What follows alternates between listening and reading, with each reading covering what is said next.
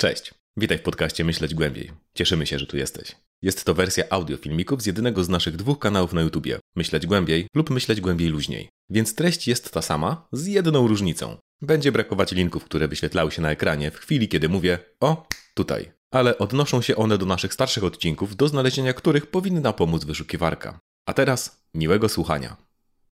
Zapewne spotkaliście się już z blogerem naukowym Łukaszem Sakowskim, prowadzącym bloga naukowego To Tylko Teoria. A może i z tym, że ostatnio coraz bardziej wypowiada się na tematach, na których się nie zna i że zamiast zajmować się biologią czy popularyzacją nauki, wchodzi w wojenki kulturowe. Głównie przeciw osobom transpłciowym i to w sposób, który może on sam uznaje za sprytny, ale niekoniecznie.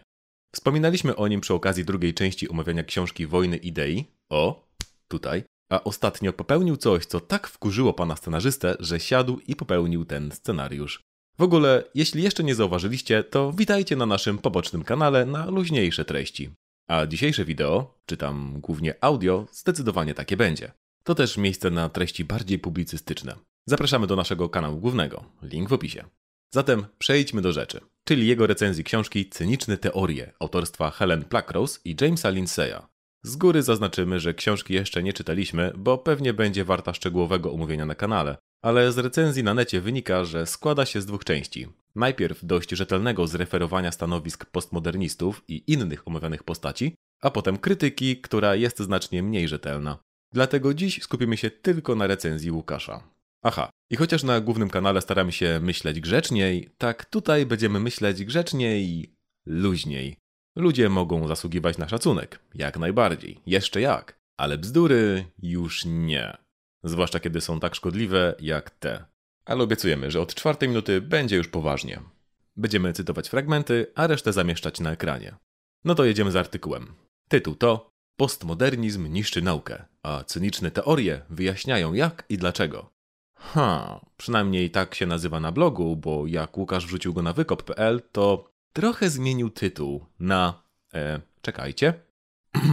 Tłuszczowy feminizm. Teoria queer i teoria postkolonialna niszczą naukę. Kurde, to o nas. My jesteśmy tłuszczowymi feministami. A w końcu autor jako biolog powinien znać się na tłuszczach. Trans fats are human fats. Margaryna, margaryna, normalna rodzina. Olej palmowy, niszczy las deszczowy. No proszę, nawet się ten tłuszczowy feminizm zgrywa z queerem i teorią postkolonialną. W końcu Łukasz, jako biolog, zna się na tłuszczach, więc zobaczymy o co chodzi. Sam post jest dobrym przykładem tego, jak ta antynaukowa, zaprzeczająca płci teoria queer zinfiltrowała dzisiejszy świat, bo z Jamesa Lindsaya zostaje zrobiona James Lindsay. Jeśli postmodernizm już w pierwszym zdaniu popełnił denializm płci, to sytuacja jest rzeczywiście groźna.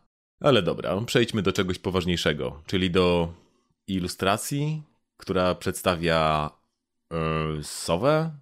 Jest to, cytuję, wizualizacja z programu DAL-E po wpisaniu haseł dotyczących postmodernizmu i negowania nauki z późniejszymi zmianami. Okej. Okay. Może ta sowa to reprezentacja postmodernizmu? Jeśli tak, to z pewnością nie może być sową Minerwy czy też Ateny, która była symbolem mądrości. A ta cała Atena to też taka trochę mało feministyczna postać. Wyskoczyła już gotowa Zeusowi i to jeszcze z głowy. W ogóle reprezentuje fakty i logikę, czyli no wiecie, to co postmodernizm próbuje zniszczyć. Zatem to demon postmodernizmu. I przyglądając mu się bliżej, to zapewne Stolas, czyli opisany w XVII-wiecznym grymuarze, mniejszym kluczu Salomona, wielki książę piekieł, który przewodzi 26 legionom demonów, naucza astronomii i posiada wiedzę na temat ziół, roślin i cennych kamieni.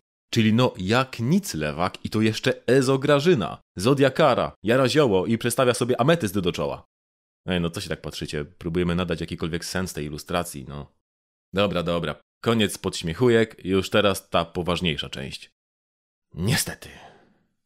Teorie, o których będzie mowa, to Teoria queer negująca płeć biologiczną, teoria postkolonialna negująca fakty historyczne, teoria otyłościowa negująca otyłość jako chorobę, czy teoria neuroróżnorodności, według której ciężkie zaburzenia neurologiczne i psychiczne to objaw różnorodności neurologicznej, a nie zaburzenia.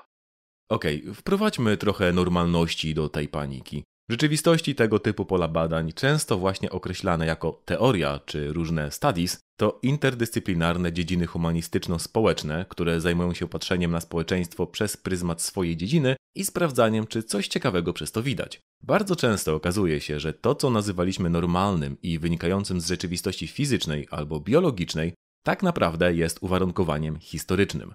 Jeśli pamiętacie nasze wideo o konstruktach społecznych, dostępne o tutaj, to mówiliśmy tam, że spora część takich konstruktów to pewna interpretacja faktów fizycznych czy biologicznych, która jest niezbędna, abyśmy mogli funkcjonować jako społeczeństwo, ale sam sposób jej przejawiania jest do pewnego stopnia dowolny i zależny od kultury. Gdyby tak nie było, wszystkie kultury miałyby dokładnie taki sam sposób rozumienia, choćby płci, nadwagi czy zaburzeń. Więc niestety tutaj będzie typowy lament konserwatysty, że to co do teraz to było dobre, a od teraz to już tylko irracjonalność i szaleństwo. Tylko jeśli spojrzymy na historię filozofii lub nauki, to stara śpiewka, czy wręcz refren, który pojawia się co jakiś czas. To poczucie kryzysu i katastrofy bierze się jednak tylko stąd, że jeszcze nie mamy odpowiedzi na te pytanie. Ale to nie znaczy, że ta odpowiedź nie nadejdzie jak chociażby odpowiedź na postmodernistyczny relatywizm. Naszym zdaniem najgorszym, co można w takiej sytuacji zrobić, jest namawiać ludzi do zawrócenia i niezadawania tych pytań, co byłoby ostatecznie zaprzeczeniem i filozofii, i nauki. Okej, okay, tyle tego ogólnego wprowadzenia, reszta rozważań na koniec. Co ważne, nie są to teorie w rozumieniu naukowym, jak teoria ewolucji biologicznej, prawo powszechnego ciążenia, szczególna i ogólna teoria względności albo prawa dziedziczenia. Teorie potworkowe nie są naukowe i nie są falsyfikowalne. Zarazem są nie tylko nienaukowe, lecz również pseudonaukowe, bo negują empiryczną rzeczywistość. Uff, powiedz mi, że nie czytałeś Popera, nie mówiąc, że nie czytałeś Popera. Chodzi tu o tak zwany falsyfikacjonizm, mówiący, że aby jakaś hipoteza czy też teoria mogła być naukowa, musi posiadać kryteria, które zostałyby spełnione, aby uznać ją za błędną. Dobra, i tu mamy podstawową strategię Sakowskiego, czyli żonglowanie mętnymi definicjami w nadziei, że rozmówca się nie zorientuje. Rozpracujmy ją tutaj dokładniej, aby była jasna na przyszłość. I tak jak zawsze robi to ze słowem płeć, tak tutaj miesza ze słowami nauka i teoria.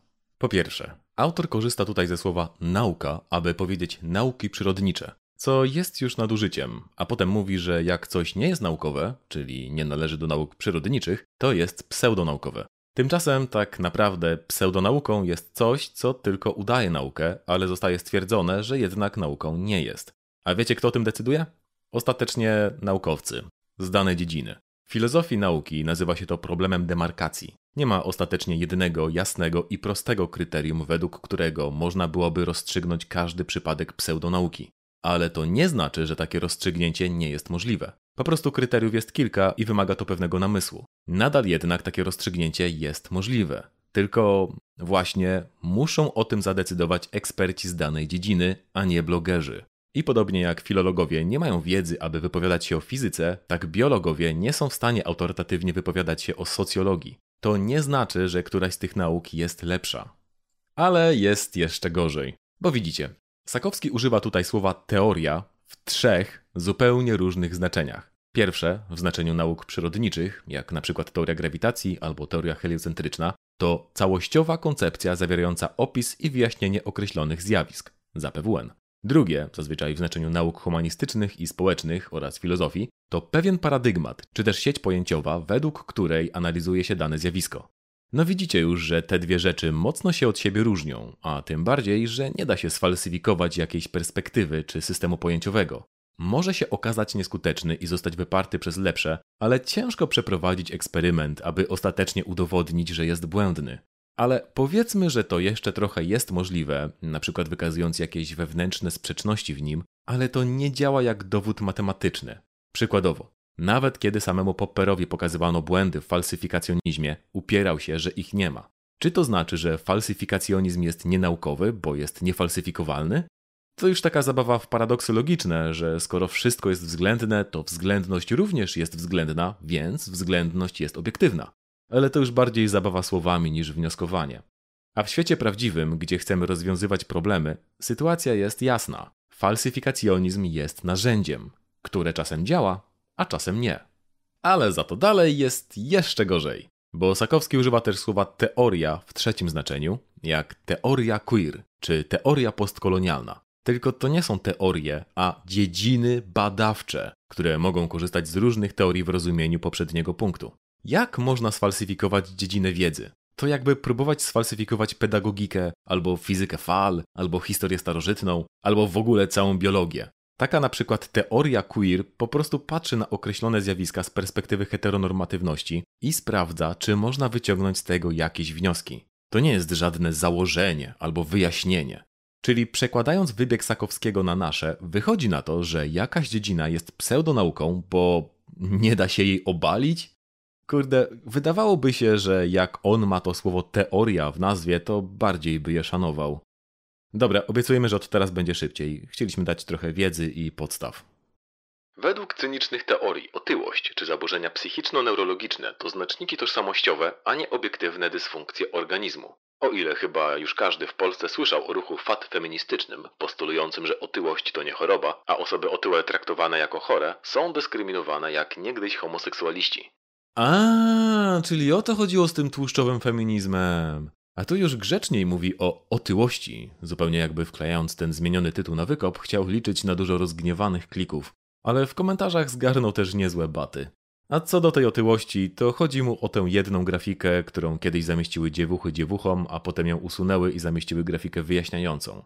To było trzy lata temu. Już, Łukasz, puść to. Wiem, że wtedy miałeś więcej wspierających na Patronite niż teraz, ale chyba domyślasz się czemu, nie? I że tu nie chodzi o jakieś cancel culture, tylko zwykłe bycie dup. Nie, na pewno chodzi o to, żebyś więcej walił po osobach trans. Okej, okay, jedziemy z postkolonializmem. Cyniczne teorie przekłamują historię świata, szczególnie w kontekście kolonializmu, kreując ludy podbijane przez Europejczyków jako szczęśliwych, naturalnych tubylców, ignorując zarazem fakt, że europejscy kolonizatorzy, pomimo rozmaitych krzywd i wyzysku, któremu nikt nie powinien zaprzeczać, często dramatycznie poprawiali sytuację na podbitych terytoriach. O, to fajnie! A słuchaj, dla kogo poprawiali? Tak statystycznie, uśredniając dla wszystkich. Bo wiesz, mogłoby się okazać, że oni na przykład traktowali siebie samych lepiej niż skolonizowanych. Jakby, wiesz, przydałoby się tu jakieś narzędzie analizy, jakaś teoria, która badałaby relacje kolonialne. No nic, może ktoś kiedyś wymyśli taką dziedzinę. A na poważnie, właśnie takimi bzdurami zajmuje się teoria postkolonialna, która bada rezultaty takich rzekomych ogólnych popraw sytuacji. I nie mam tu na myśli tylko nauki, techniki, medycyny czy kultury, ale też to, że przybycie Europejczyków niejednokrotnie oznaczało zakończenie panującego wcześniej prawa dżungli, na przykład polowania jednych grup tubylczych na inne czy porwania kobiet. Sprawa jest o wiele bardziej zniuansowana niż proponowane przez teorie potworkowe, tu teorię postkolonialną, Rozróżnienie źli Europejczycy, dobrzy tubylcy. Okej, okay. cieszymy się, że sytuacja rdzennych kobiet się poprawiła i już najwyraźniej nie polowano na ludzi, bo wierzymy ci na słowo, że tak było, ale mamy jedno ważne pytanie. Który teoretyk postkolonializmu mówi źli Europejczycy, dobrzy tubylcy? Wiesz, bo my jesteśmy tutaj trochę do tyłu. Jakieś tam teksty ze studiów, wprowadzenie Childsa i Williamsa. No, fajnie byłoby poznać konkretne źródło. Sposób myślenia umysłów owładniętych teoriami potworkowymi odzwierciedla, na przykładzie rasizmu i krytycznej teorii rasy, która w Polsce nie ma znaczenia, ale autorzy recenzowanej książki pisali także w odniesieniu do USA, cytowane w cynicznych teoriach stwierdzenie aktywistek. Pytanie nie brzmi, czy rasizm miał miejsce, ale raczej jak przejawiał się rasizm w tej sytuacji. Po pierwsze, z tą krytyczną teorią rasy to już trochę ten przebrzmiało. Nie wiem, może już obalili świat zachodni i zniszczyli białego człowieka, ale w Stanach przekaz dnia się zmienił. Teraz znowu jest na topie walenie w dzieciaki trans, więc wiesz, nie masz powodu, żeby się przebranżawiać. Po drugie, fajne jest to, że znowu cytowane są jakieś aktywistki, a nie teoretycy tych niby teorii. Ale wiecie co, my tak staniemy w obronie tego zdania, bo paradoksalnie łatwiej jest odpowiedzieć na pytanie, jak przejawił się rasizm w tej sytuacji, niż na czy rasizm miał miejsce. Tak, może brzmi dziwnie, ale to drugie wymagałoby jakiegoś oddzielenia między tym, co rasizmem jest, a tym, co nim nie jest. A ta kreska cały czas politycznie się zmienia, zwłaszcza w USA, zwłaszcza ze strony konserwatywnej. Cytując z innego naszego wideo, o, teraz już nie są niewolnikami, ale czepiają się, że ich linczujemy. To może powinni się lepiej zachowywać? O, teraz już nawet linczowania się nie uprawia, ale czepiają się, że jest segregacja. To może powinni pilnować swojego miejsca? O, teraz już nie ma segregacji, ale czepiają się, że jedna partia oficjalnie przemawia językiem rasizmu. I mniej więcej tutaj obecnie znajduje się debata w USA, kiedy przemoc zmieniła się z otwartej w systemową. Czyli na przykład zamiast jawnego linczowania mamy prześladowanie przez policję w białych rękawiczkach. Więc jeśli wszyscy się zgadzają, że w tych przeszłych przypadkach rasizm był, to są dwie możliwości. Pierwsza, rasizm dalej istnieje, druga, rasizm właśnie przestał istnieć. I teraz, które z tych założeń jest bezpieczniejsze, bardziej naukowe, oparte na dotychczasowych faktach, a które będzie bardziej spolitycyzowane i zideologizowane? Bo widzicie, znowu jesteśmy w sferze rozumienia teorii jako dziedziny badań, która przygląda się jakiemuś zagadnieniu z perspektywy rasowej, aby zobaczyć, co tam jest. Na przykład w ten sposób fajnie można przyjrzeć się temu akapitowi, gdzie Sakowski chciałby uznać brak rasizmu jako stan naturalny i zapytać dlaczego. Można byłoby przyjrzeć się jego oburzeniu na to doszukiwanie się rasizmu i zapytać skąd ono się wzięło i tak dalej. Aby to zrobić, musimy założyć, że jakiś rasizm tam może być. Tylko tyle. Jeśli badasz czyjąś krew na obecność narkotyków, to musisz założyć, że one tam są. Ale dalej jest jeszcze, jeszcze gorzej. To fanatyczne postrzeganie świata ze z góry założonymi tezami, których jednak nigdy empirycznie nie potwierdzono, jest typowe właśnie dla zwolenników cynicznych teorii. Pisząc wprost, wyznawcy teorii potworkowych, czyli wołkiści, odruchu zwanego z angielskiego woke, przebudzeni, z automatu zakładają, że rasizm, transfobia, seksizm czy islamofobia z pewnością są, tylko trzeba je wykryć. Rasizm ma miejsce zawsze, a naszym zadaniem jest badanie dowodów na jego występowanie. Czyli przekonanie, że uprzedzenia, które były od zawsze, są obecne nadal, to przekonanie fanatyczne. Ha, ej, słuchajcie, czy jak powiem, że nadal są, nie wiem, sowy, to to już jest to fanatyczne postrzeganie świata ze z góry założonymi tezami? I jak mogę empirycznie udowodnić założenie, że sowy będą kontynuować swoją egzystencję, jeśli nie wydarzy się nic, co zmieni ich stan? Dobra, dobra, my chyba przesadnie analizujemy użycie słowa empirycznie, które tu padło jako, nie wiem, przecinek. Dobra, ale na poważnie. Znów ciekawe jest spojrzenie z takiej krytycznie rasowej perspektywy, jak w tych dwóch wypowiedziach działa pojęcie rasizmu i z jaką zaciekłością broniona jest perspektywa, że tego rasizmu już nie ma. Następnie jest mowa o tym klasyku, że kiedyś to był ucisk, a teraz to go nie ma. O, patrzcie, to zupełnie jak ten rasizm. Ale wreszcie mamy fakty i logikę. Takie postawy rozdzierają tkankę, która spaja współczesne społeczeństwa. I nie są korzystne ani dla grup mniejszościowych, ani dla szeroko pojętej spójności społecznej, konkludują Helen Pluckrose i James Lindsay. Jeśli większość czuje się zagrożona przez krzykliwą mniejszość posiadającą władzę instytucjonalną, prawdopodobnie spróbuje zmienić te instytucje. W istocie tak właśnie się dzieje. Uznawanie autorytetów instytucji, tak ważnych dla rozwoju cywilizacji, wynika, gdy instytucje społeczne, naukowe czy polityczne wydają coraz bardziej absurdalne i sprzeczne z faktami sprzeczne z faktami, rozporządzenia czy konsensusy, podyktowane ideologią i aktywizmem woke, a nie racjonalną analizą faktów. racjonalną analizą faktów. Wiecie co, zawsze fascynuje nas to, jak te logic brosy mówiące o faktach i logice nigdy nie wyjaśniają o jakich faktach i o jakiej logice mowa. Zwłaszcza, że wpis fakty w internetowej encyklopedii filozofii ma bez bibliografii 86 tysięcy znaków. Chociaż pewnie by tu padło, że te instytucje nie działają w oparciu o fakty biologiczne, jak chromosomy płciowe.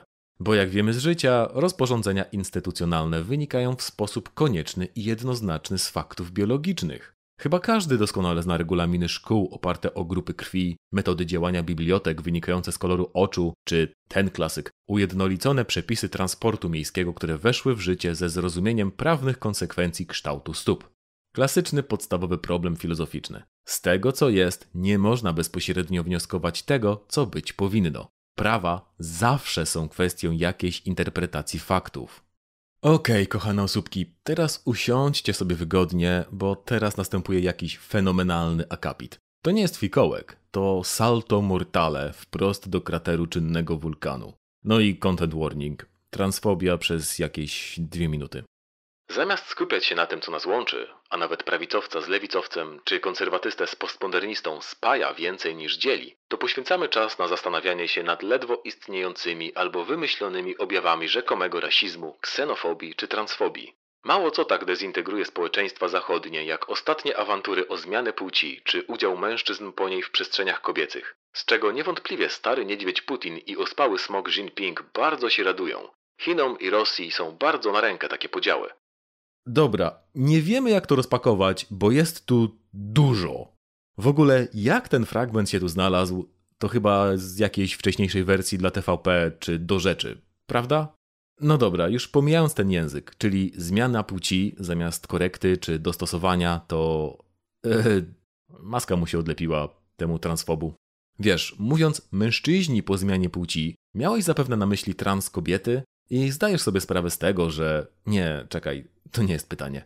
I zdajesz sobie sprawę z tego, że takie stwierdzenie jest bardzo mocno krzywdzące, ale jednak to piszesz celowo, aby trans kobiety skrzywdzić. Wiesz też, że celowe działanie mające skrzywdzić mniejszość transpłciową określa się mianem transfobii.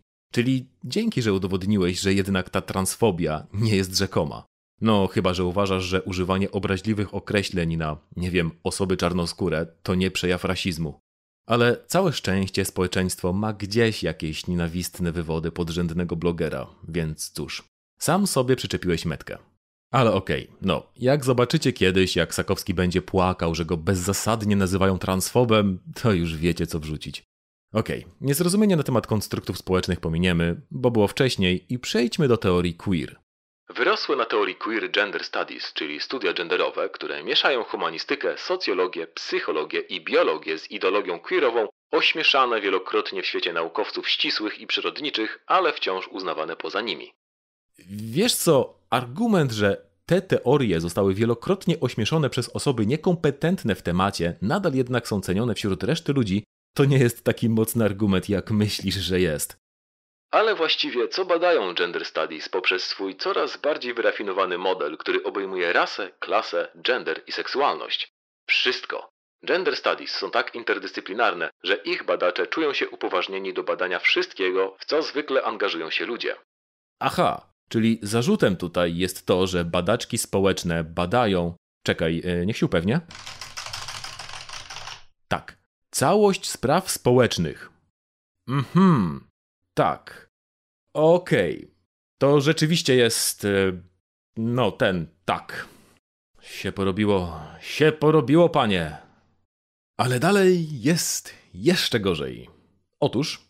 Według teorii potworkowych, wiedza technologiczna, biologiczna, medyczna jest konstruktem zachodniej, białej cywilizacji, której władza przenika wszystko, narzucając swoje dyskursy. To absurdalne i spiskowe myślenie zwolenników cynicznych teorii. Czekaj, bo nie mogę prześledzić tego spisku. Czyli spiskowe jest to, że kiedy do jakiejś przestrzeni wchodziła zachodnia nauka, to ona tam e, działała i była skuteczna? Bo mniej więcej tyle znaczy ten fragment dla kogokolwiek z elementarną wiedzą w temacie. Jakby Michel Foucault, władza wiedza, to taki raczej elementarz, kiedy się mówi o nauce. No wiesz, o tym, o czym pisałeś zanim zajęłeś się transpubowaniem? W każdym razie jest do nadrobienia o, tutaj, a i na stówę było też w pierwszej części książki. Jesteś pewien, że ją czytałeś? Ale dobra. Dalej. To absurdalne i spiskowe myślenie zwolenników cynicznych teorii wprost obraża osoby, które ma rzekomo chronić. Przedstawia bowiem czarnych, kobiety, mniejszości seksualne jako opozycję do wiedzy, rozumu i oświecenia. Ale ty wiesz, że Zachód tak bardzo długo do tego podchodził, nie? Że to nie postmoderniści wymyślili, a wręcz właśnie obalili? Ty wiesz, jak oświeceniowcy podchodzili do kobiet i innych ras, nie? I że wcześniej nie było lepiej. Oraz, że hmm, to właśnie twój artykuł przedstawia aktywistki doszukujące się rasizmu, tłuszczowe feministki i facetów przebranych za baby, czy jak to szło, jako opozycję do wiedzy, rozumu i oświecenia? Nic dziwnego, że coraz więcej czarnoskórych, feministek czy gejów odwraca się od tych postmodernistycznych koncepcji. O, ciekawe. Jakieś źródełko, jakieś potwierdzenie empiryczne? A, nie ma.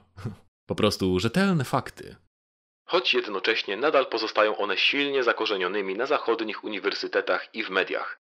Ciekawe czemu te koncepcje naukowe są dalej popularne w ośrodkach nauki, jeśli nawet podobno jacyś ludzie się od nich odwracają. Zupełnie jakby stały za tym inne racje niż popularność wśród ludzi, za tymi koncepcjami naukowymi. Okej, okay, dalej mamy zarzuty o tym, że aktywiści woke nie uznają obiektywności nauki, znów bez nazwisk teoretyków, a zarazem z założeniem, że według nich każda nauka mówi równie mało. To tak wyssane z palca, że ciężko się odnieść, ale to już standard. Przechodzimy do badań nad niepełnosprawnością. Badania te niestety nie zajmują się empiryczną rzeczywistością. Nie sprawdzają, jak otyłość wpływa na zdrowie albo które rodzaje fizjoterapii pomagają na określony rodzaj niepełnosprawności. Zamiast tego badacze potworkowi pobierają granty na takie rzeczy jak sprawdzanie uprzywilejowanego języka wobec osób niepełnosprawnych. Język i nasze wypowiedzi są również faktem empirycznym. Na przykład teraz doświadczam empirycznie, a wy wraz ze mną, nieprzyjemności czytania bzdur wypisywanych przez Sakowskiego. I tak, język też należy badać jako część badania rzeczywistości, czyli tego, czym zajmuje się nauka. Następnie mamy mowę o społecznym konstruowaniu niepełnosprawności. Autorzy cynicznych teorii tłumaczą to tak. Osoba głuchoniema wcześniej była uważana za osobę, która nie słyszy i która jest w pewnym stopniu niepełnosprawna przez swoją niepełnosprawność. Po zmianie postmodernistycznej postrzegano ją jako kogoś, kto nie słyszy i kogo społeczeństwo upośledziło, nie dostosowując się w równym stopniu do osób niesłyszących jak do słyszących. Domyślnie. No tak, takie odwrócenie perspektywy nie brzmi intuicyjnie, ale pokazuje właśnie, że ta niepełnosprawność w dużej mierze zależy od dostosowania warunków do osoby.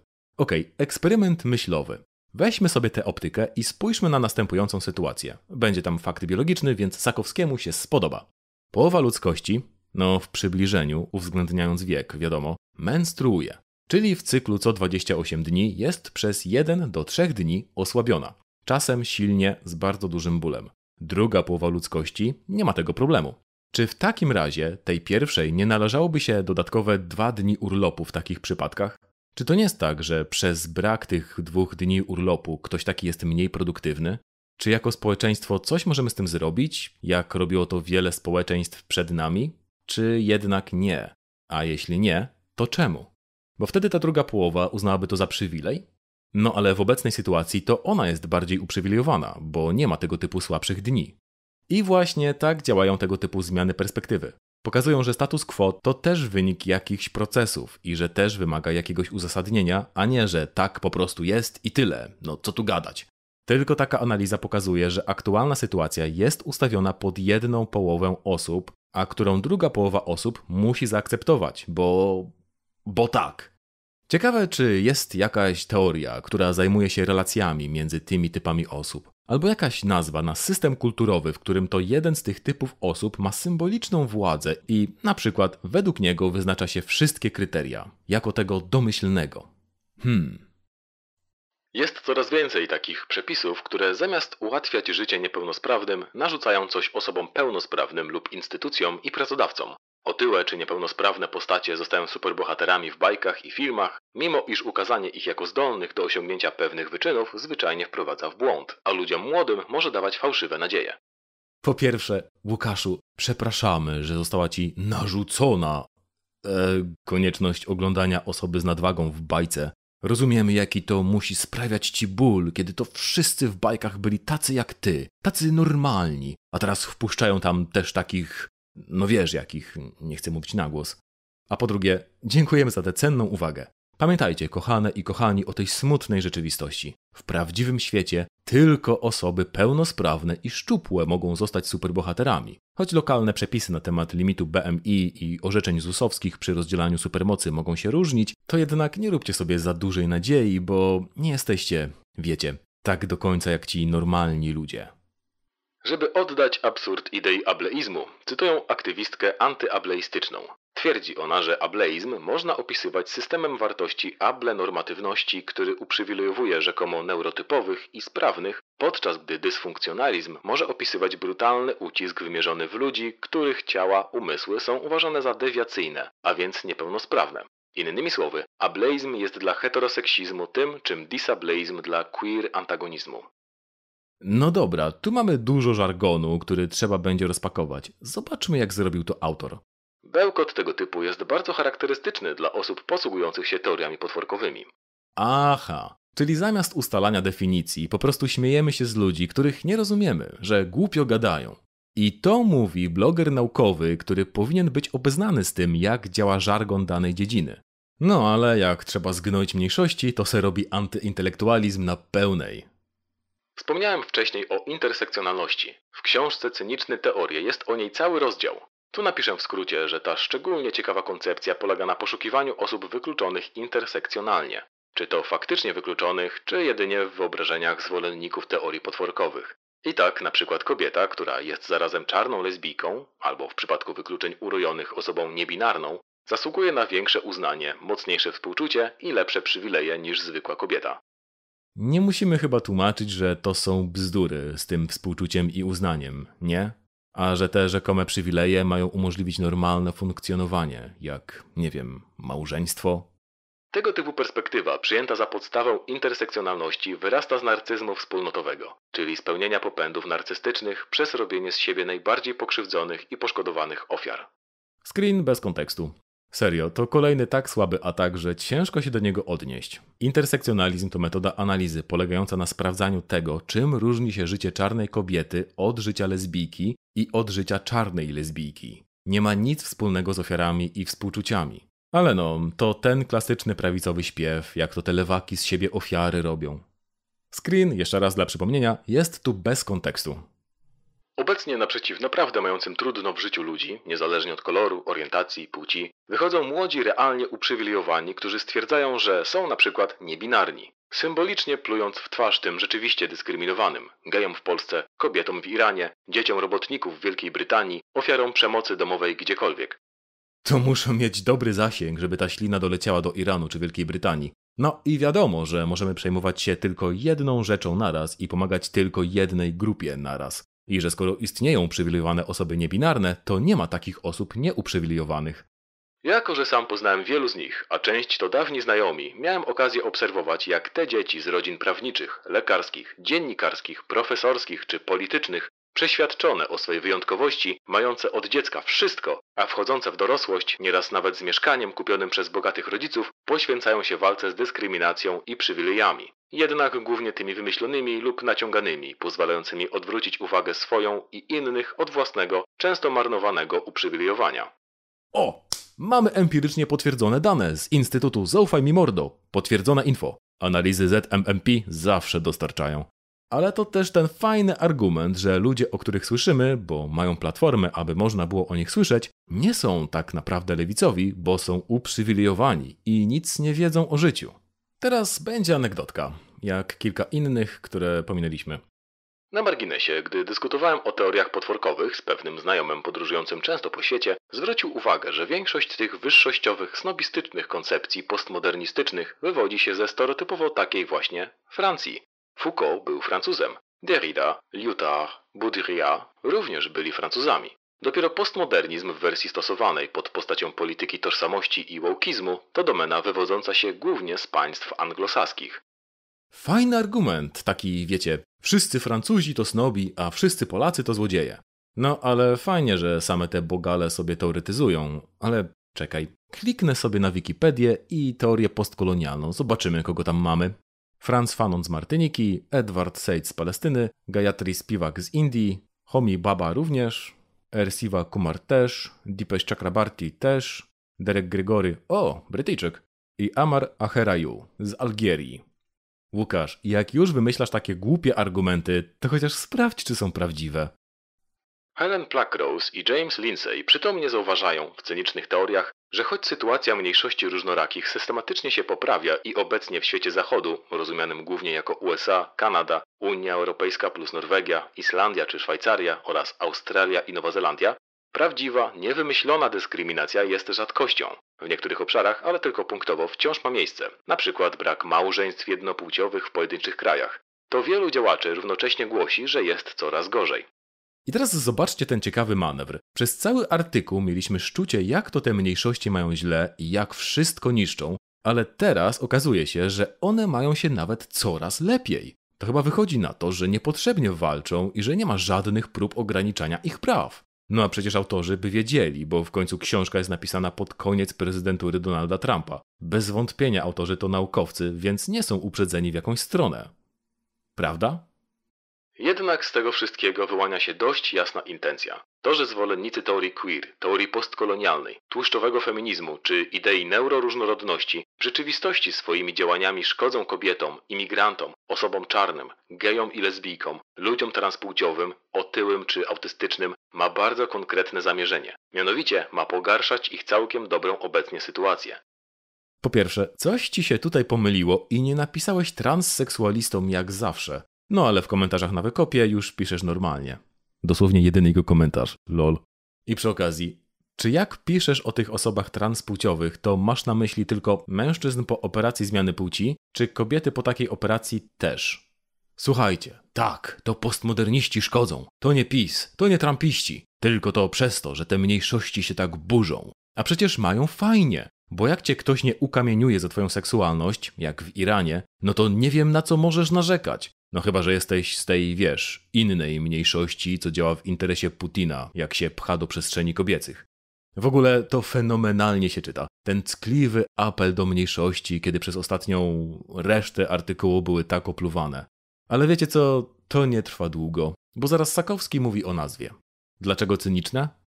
Ten i wiele innych rodzajów cynicznych manipulacji, jakimi posługują się zwolennicy teorii queer, badań nad niepełnosprawnością i otyłością, czy teorii postkolonialnej, sprawiły, że koncepcje te zaczęto wreszcie nazywać cynicznymi.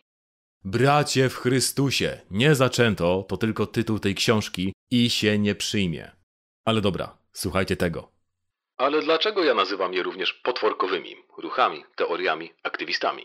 Ponieważ reprezentują zwykle bardzo małe, marginalne i groteskowe środowiska, które pierwotnie faktycznie miały ciężko. Jednak zamiast cieszyć się tym, co udało się osiągnąć i działać na rzecz dalszej poprawy, zaczęły sączyć jad w najdrobniejsze szczeliny społeczeństw i z niegdysiejszych ofiar stały się pokracznymi oprawcami. Zajmują przy tym coraz poważniejsze stanowiska w akademii czy mediach i stają się realnie groźne, mimo iż jeszcze dwie, trzy dekady temu wzbudzały współczucie, żałość i politowanie. Łukasz Sakowski o mniejszościach, rok 2022, niekoloryzowane.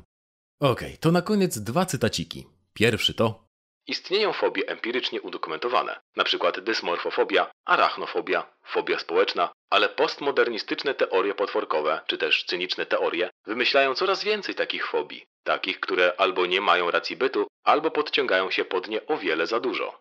Transfobia, fatfobia, enbyfobia, ableizm. Na zakończenie dostajemy jeszcze tego sakowskiego klasik, czyli manipulację słowną, w której łączy fobię w znaczeniu lęku z fobią w znaczeniu antypatii i uprzedzeń. Taka tam wisienka na torcie, czy może raczej ziarenko kukurydzy na y, byłym torcie. A drugi już bezpośrednio z książki. Jeśli będziemy uczyć młodych ludzi, aby doszukiwali się zniewagi, wrogości i uprzedzenia w każdej interakcji, możemy być pewni, że będą oni coraz częściej postrzegać świat jako zagrożenie i nie zdołają się w nim rozwijać.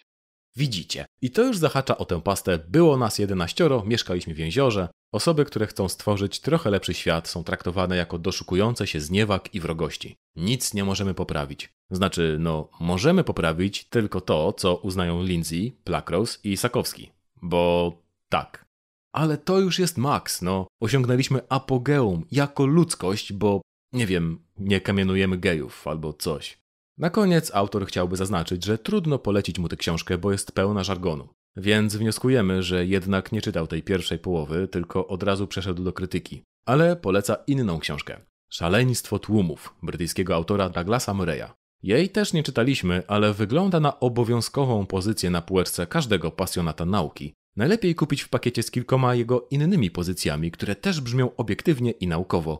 Neokonserwatyzm, dlaczego jest nam potrzebny, wojna przeciw Zachodowi, jak przetrwać w epoce nierozumu, a szczególnie obiecująco brzmi Dziwna śmierć Europy, imigracja, tożsamość i islam. No dobra, może to jakiś szemrany gość, za to przynajmniej autor naszej książki, jeden z nich, był autentycznym działaczem w sprawie osób LGBTQ. Do tego stopnia, że nawet wyleciał z Twittera za kojarzenie em, aktywistów LGBTQ z pedofilią i to w USA. Ale przecież tam tak dobrze mają. E, pewnie go po prostu sprowokowały jakieś te, jak to się teraz mówi w świecie blogerów naukowych, a tak, potworki aktywistyczne. A przynajmniej to tylko teoria. Obiecaliśmy na początku dokończenie rozważań o postmodernizmie. I z perspektywy akademickiej to jest trochę zabawne, bo postmodernizm już się Jakby był człowiekiem, to młody postmodernizm byłby już millennialsem w koszulce z logo Nintendo 64, spółką pełną fanko-popów i oczywiście totalny Ravenclaw. Zadał wszystkie pytania, które miał i okej. Okay. Można teraz tak meta i postmodernistycznie pytać o pytania o pytania, ale to też się znudziło. Więc w jakimś sensie zabawne jest krytykowanie ruchu, który stracił impet w latach 90. Oczywiście świat zawsze jest trochę do tyłu za teorią. W końcu teoria próbuje wyznaczyć możliwe ścieżki naszego myślenia, ale i tak to trochę musztarda po obiedzie. A narzekanie, że postmoderniści przejęli świat akademicki, to już po prostu konserwatywne jojczenie. Tak, oczywiście, że osoby zaznajomione z tym nurtem będą piastować wysokie stanowiska w świecie akademickim, bo to był ważny i wszechobejmujący nurt. Więc jakieś mówienie, że dokonuje się neomarksistowska rewolucja kulturowa, bo e, mainstream stał się mainstreamowy, to tylko sianie paniki moralnej. No ale wiadomo, w całym tym artykule i w całej tej książce nie chodzi o prawdę, tylko o wojnę kulturową. Cóż, pozostaje tylko mieć nadzieję, że ta wojna potrwa dłużej niż ta o krytyczną teorię rasy, bo przynajmniej nam nie zabraknie materiału. A co dalej? Z perspektywy historii filozofii to pytanie jest podwójnie trudne. Im bliżej współczesności, tym więcej mamy równoległych i różnorodnych szkół, nurtów i pomysłów. I to nie tylko dlatego, że teraz powstaje więcej dzieł. Główny powód jest taki, że te dawne klasyki po prostu przetrzymały próbę czasu, a aktualna próba jeszcze trwa. Więc po pierwsze, należałoby ogarnąć wszystkie nurty, a po drugie, być jasnowidzem, aby stwierdzić, które przyjmą się w przyszłości. Jeśli śledzisz nasz główny kanał, czyli myśleć głębiej, to poniekąd wiesz, na jakiego konia my postawiliśmy. Dla nas odpowiedzią na zawieszenie, kwestionowanie i przesadną językowość postmodernizmu jest teoria systemów, antropocen i ucieleśnienie myślenia, czyli zwyczajne fizyczne granice. Nasza planeta, nasze możliwości, nasze ciała. To tutaj należy szukać potencjału do dalszego rozwoju. I nawet jeśli postmodernizm pokazał nam, że wiedza obiektywna nie jest możliwa, to teraz możemy poznać te granice obiektywizmu, choćby w postaci naszych ciał i ograniczeń polityczno-ekonomiczno-grantowych a potem budować na niej. Tak, Sakowski miał cały fragment o tym, że obiektywność nie jest dostępna i zamiast tego można być obiektywnym tak bardzo jak to możliwe, ale go pominęliśmy, bo nic nie wprowadzał. Zwrot tak bardzo jak to możliwe wymaga konkretnych uściśleń, bo inaczej można go traktować absolutnie dowolnie. A przynajmniej tak można na to patrzeć, aby myśleć trochę głębiej, luźniej. Hej, hej, kochani, to jeszcze ja z małym posłowiem na koniec. Jak zawsze. Przede wszystkim, najsampierw chcemy gorąco podziękować naszym patronkom oraz patronom, którzy finansują nam rozbudowę kanału. Tak, tego pobocznego, ale też głównego oraz TikToka, za którego wziął się pan S własnoręcznie. A spośród osób patronujących szczególne podziękowania lecą do Was, kochani. Adam Kępiński, Adrian Jan Głuchowski, Albert Materski, Bartosz Barwikowski, Czabata, DDDDDDDDD, Dosia, Jean, Jacek Kiliański, Janusz Grażyński, Jednorożek, Nulenstein, Konrad Wawrowski, Loken, Magos Errant, Małgorzata Sajnok, Mariusz Wo, Mr. Fox, Mordechaj Gumibaum, Ouli, Patrycja, Paweł Litwinowicz, Paweł Pawlik, Praptak, Rafał Podgórski, Saci, Szefo oraz Wodzu Metal. Jeszcze raz szczere podziękowania za Wasze wsparcie, kochani. Za każde wsparcie, naprawdę. Te nasze progi na Patronite są niższe niż progi do zostania blogerem naukowym, więc zachęcamy Was do postawienia nam tego jednego browarka raz w miesiącu. Okej, okay, to tak, że tak i Ogólnie to mamy taki szalony pomysł, aby stworzyć całą serię o takich intelektualistach wyklętych, którzy postanowili zrezygnować ze swojej wcześniejszej wiarygodności i walczyć w wojnach kulturowych. Jeśli pomysł Wam jakoś podchodzi, to dajcie znać w komentarzach. Pamiętajcie też, aby polubić to wideo, zasubskrybować, jeśli jeszcze tego nie zrobiliście, oraz podesłać je komuś, albo gdzieś dalej. I to by było wszystko na dziś. Trzymajcie się i do następnego. Pa!